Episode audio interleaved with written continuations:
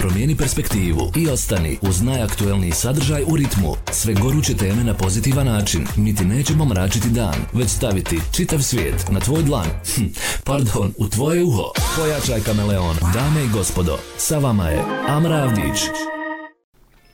Dobar vam dan, vi gledate i slušajte Internaut Show na radio Kameleonu. Kažu da su psi najbolji prijatelji svakog čovjeka, ali kada bi oni imali priliku da ocjenjuju nas, nisam sigurna da li bismo taj ispit ljudskosti položili. Tome negdje vjerovatno svjedoči broj pasa koji su ostavljeni, ali srećom postoje oni dobri i divni ljudi velikog srca koji su spremni da pruže svoje vrijeme i svoju pažnju eh, da bi ovi čupavi eh, ljubimci pronašli eh, svoj dio a, ljubavi na ovom svijetu. E sada sam ja to možda onako malo izromantizovala, ali kako to zaista tačno izgleda i zašto je važno da razmislimo o usvajanju prije nego o kupovini psa, saznaćemo od Vane Mujčinović, ona nam dolazi ispred Udruženja za zaštitu životinja Nirina Tuzla, a tu je i naš prijatelj Keno, pa dobro mi došli oboje. Dobro došli, hvala vam na pozivu. Keno je već krenuo da priča ispred nas, on je predstavnik očigledno. I on je imao par, par stvari da kaže prije što smo svi krenuli pričati što. Eto. Da, e, predivan je i odmah je u studio unio neku posebnu energiju i sasvim nam je okej okay da on priča e, na svoj način, ali evo, Vana, kaži mi za početak, dakle, čisto za ljude koji možda prvi put, ako postoje takvi, e, čuju za vaše udruženje, e, dakle, na kom principu radite, e, malo više informacija prije nego krenemo u dalji razgovor? Zapravo, dosta ljudi postoji koji ne znaju nikako za nas. Mislim, ja koja sam valjala toj priči, meni je nevjerovatno jer ja znam koliko ljudima okolo pričam, koliko sam uvijek uzbuđena za nove stvari koje radimo i onda neki ljudi kao, zar, zar Tuzla ima azil? I to, to mi je toliko šok, kao kako kad, vjerovatno je to meni svakodnevnica, nije, nije svima, razumijem to. Uh, Nirina postoji od 2012. godine, tu smo sa uvijek punim kapacitetima, imamo neki 250 pasa uh, tu smo, um, trudimo se da radimo na usvajanju, jer to je naša prva stvar, a onda sve ostalo, ali smo svjesni da neki, neki psi nikad neće naći svoj dom, tako da ono trudimo se da to neka bude priča, kome je to prvi i zadnji dom, mi smo nekom zadnja porodica, da to bude neka priča generalno, ne samo azil, dođe cuko, ode cuko, uh, da to bude zdrave cuke, da to bude okolina, da mi imamo zeleniš, da cuke ljeti imaju kupanja, da mi idemo i na kop da se igramo s njima. Ono, generalno da bude neki cijela tako neki osjećaj porodice, a ne samo azil za pse, ono, kao što zamislimo. Ja razumijem stereotip, razumijem ljude koji to zamisle kao grozno, milion cuka, smrdi. Ja to sve razumijem i, i, i kroz godine. Keno možda hoće da malo prošeta, pa mislim da pošto yes. smo ga predstavili, on... možemo da ga pustimo. Spreman je na skok. Onaj, Tako da, uh, razumijem to sve, ali isto tako vidim koliko mi ono dajemo da to bude eto tako nekako drugačije samo eto da bude da se vidi koliko ljubavi zapravo se ulaže u to da je očigledno na prvi čim se uđe da se vidi to je jedna mjesto gdje ima jako jako dosta ljubavi. E, dosta ljudi koji pratim na društvenim mrežama pa kad kažem dosta hajde recimo da je to nekih pet ili šest ljudi koji su u posljednjih šest do sedam mjeseci a, odlučili se udomiti psa i onda mi se čini da taj trend a, udomiti prije nego kupiti a, se više uzima maha međutim da li smo mi dosegli neki željeni nivo, odnosno kako se krećemo kada je to u pitanju? E, I meni je drago da vidim da, da dosta ljudi sad na ulici već voda ovako neke, kad, mi, kad gledamo i kažemo a šta je ovo sad, koji je ovo miks i stvarno je lijepo, međutim, ono, stvarno sporažavajući podaci koliko malo usvajanja mi radimo. E, je pravi kako je ime? Uh, e, mi radimo, uh, to jest ja, koliko zapravo u Bosni ostaje pasa, većinski se šalje izvan Bosne i recimo za januar smo imali 23 usvajanja, što nam je najveći broj ikad i nula za Bosnu. Da. To nam je kao ono, zar stvarno, nebitno za Bosnu, za, za naš grad, zar stvarno ne možemo da pronađemo ljude unutar Tuzle koji bi bili spremni da usvoje od nas. Uh, mislim, u toku godine bude nekih 3 do 4 osobe koje usvajaju, ali to su većinski ono generalno osobe koje su iz Tuzle i onda se odsele i onda vremenom ok, iz svog grada povuku nekog cuku lutalca, to je slatka priča, ali je tužno koliko zapravo ono uh, naši sugrađani nisu, nisu spremni da usvoji pse. Da. Nekako kada razmišljamo o nivou svijesti na kojem se nalazimo... Ken. A, kada razmišljamo o nivou svijesti na kojem se nalazimo a, kada pričamo o Bosni i Hercegovini i onda mi djeluje e, da je pas postao na neki način s jedne strane kao statusni simbol, pa onda biramo određene -hmm. vrste pasa, ili kao modni detalj. I naravno, ne generalizujem i ne govorim da je to u većini slučajeva tako, želim da vjerujem da nije. Međutim, čega nismo svjesni? Kakvu to uh, vrstu ljubavi mogu pružiti, recimo, recimo psi koje odlučimo udomiti? Uh, ja mislim da tu odanost nikad pas... Uh, u stvari, sad dijelim pse na kad mi uzmemo štene s ulice i dijelim pse koji su nekad živjeli na ulici. Jer pas koji se, mislim, rodi na ulici i brzo se usvoji, to taj pas nikad nije doživio taj život na ulici i malo drugačije se ponaša recimo od psa koji je uh, godinu, pola godine živio na ulici i zna šta je zapravo život na ulici. Ti psi su nevjerovatno odani. Um, ne znam, nekako taj nivo um, ljubavi koje pružaju, mislim da prosječni psi koji kupimo ne mogu i nekako ta slijepa odanost. Ja, ja znam da svi mi smo nekad na ulici nahranili cuku i taj cuko nas sad čeka svaki dan jer Istina. kao upratio je da smo mi nekad njemu pružili malo ljubav. Ja znam, moji psi kod kuće su cijeli život sa mnom i nikad nisu doživjeli ulicu. To jest, doživi to jedan od pasa je azilski, ali odma Sokota došao kod mene i to su jedne razmažena dva psa koji koji nemaju taj, ono, nemaju tu vrstu ljubav, zahvalnosti, naravno tu su kao tvoje da ustaneš da mi daš hrane, a ne kao zahvalan sam što dobijam hranu.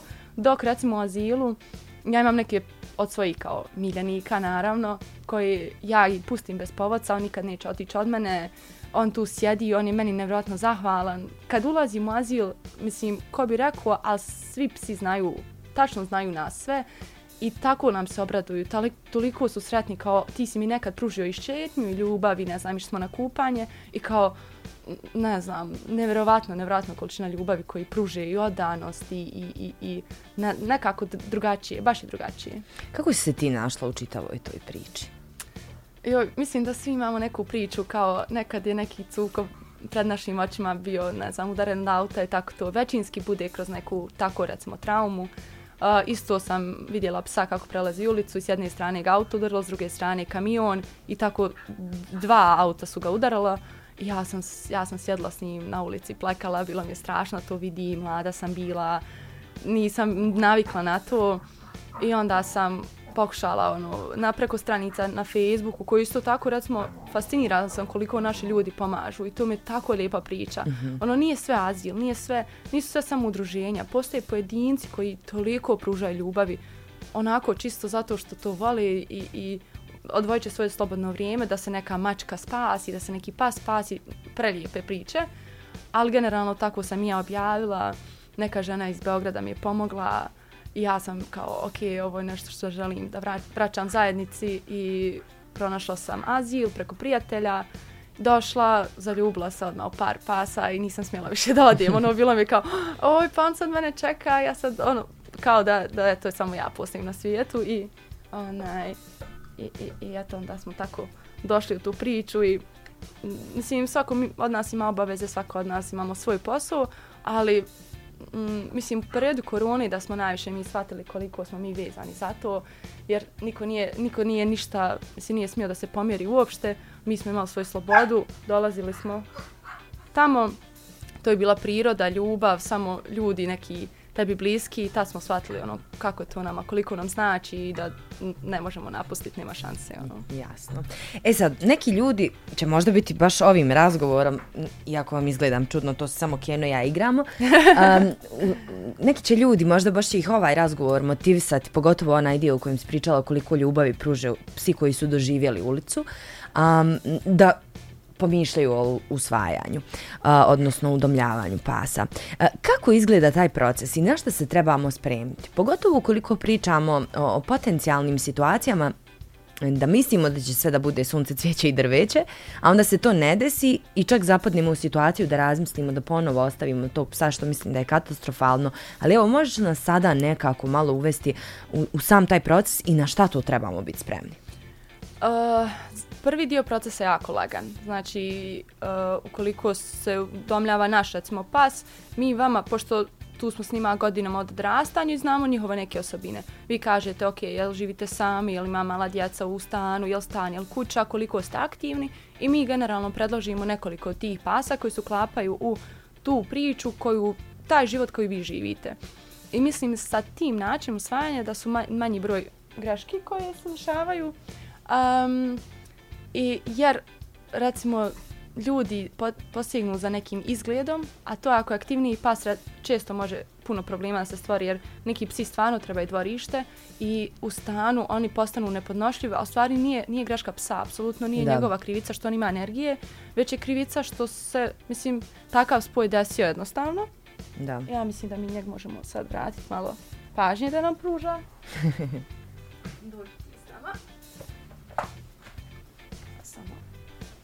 desna sad. Hop, hop. Eto ga.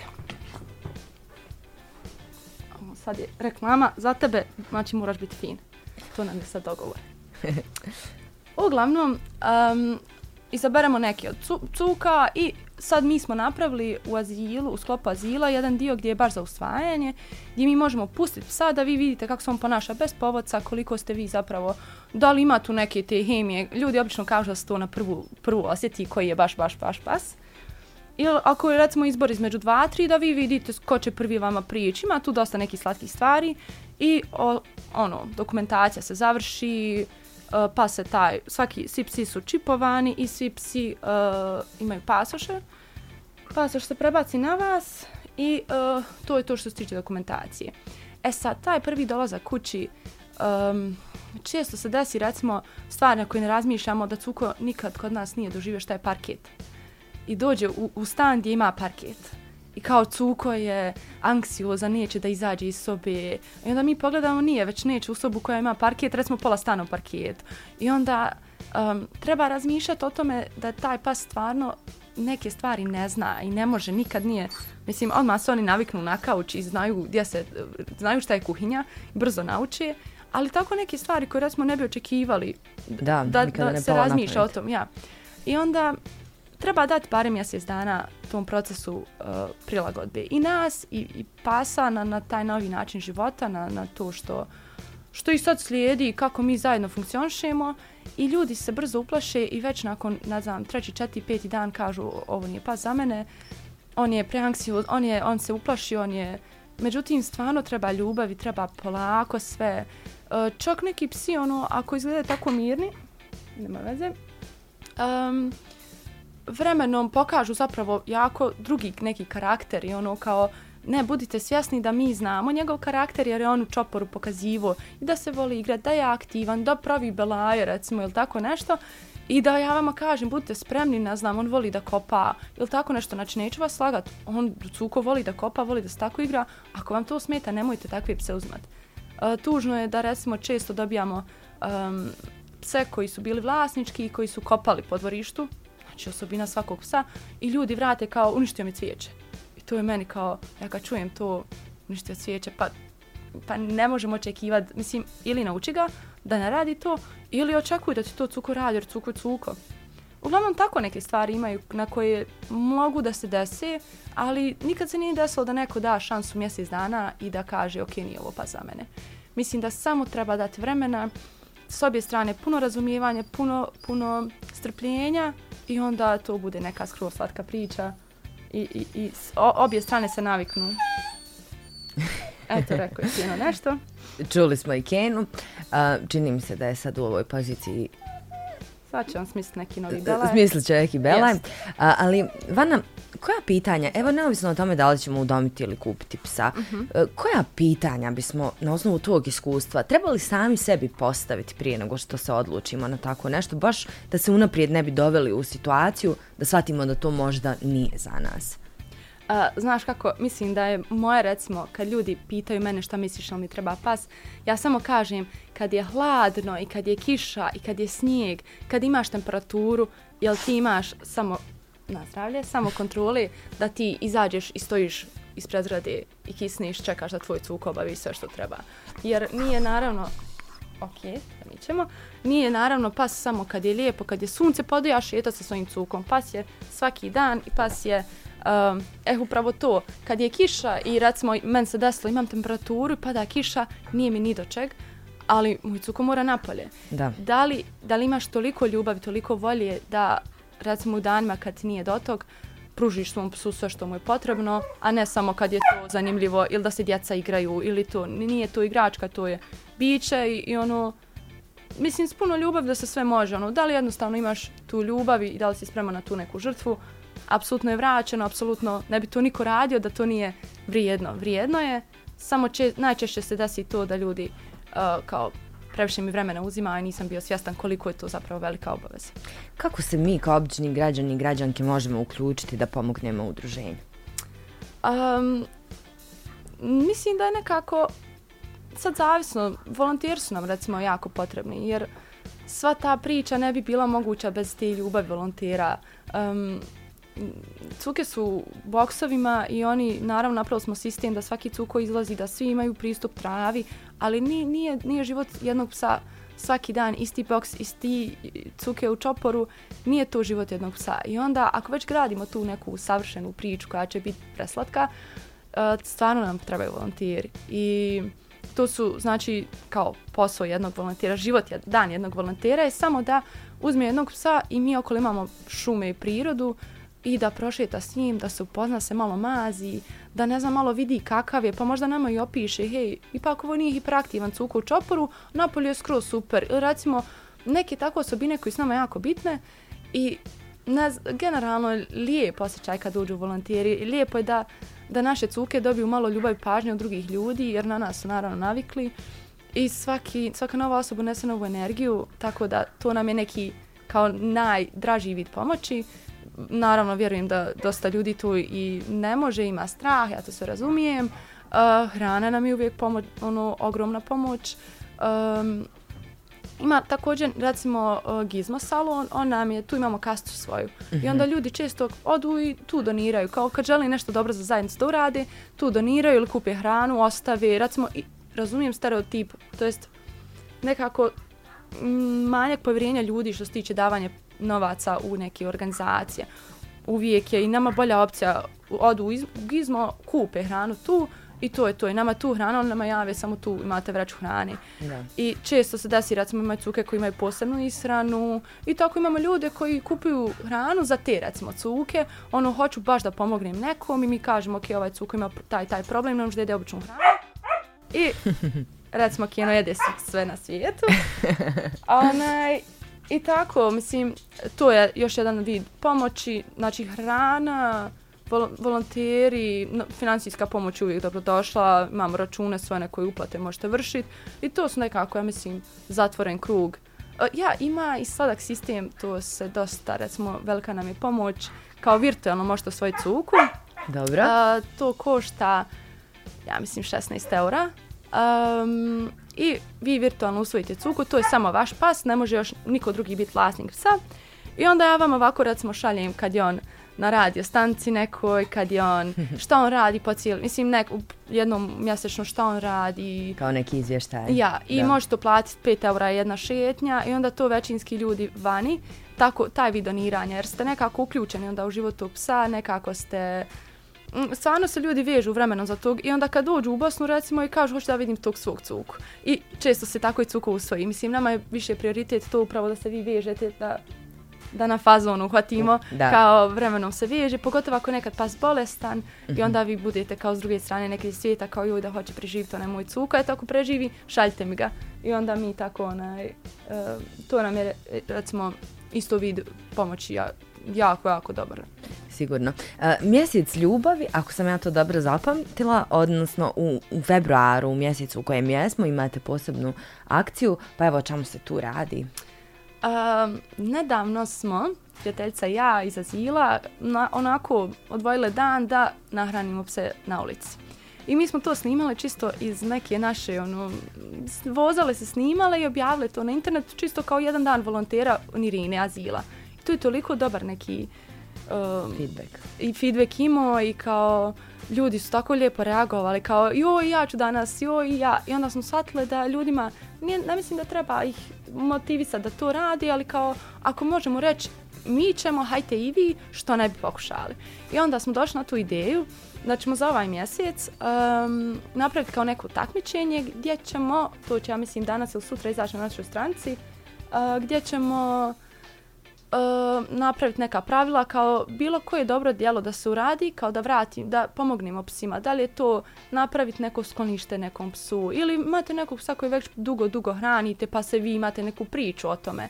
Ili nahraniti psa. Također Valentinovo pa ono kao um, ne moramo kupovati svijeće kao parovi, ne moramo kupovati poklone, možemo recimo nekog cuku na hrantu raditi dobro djelo, a nekako romantično i slatko je.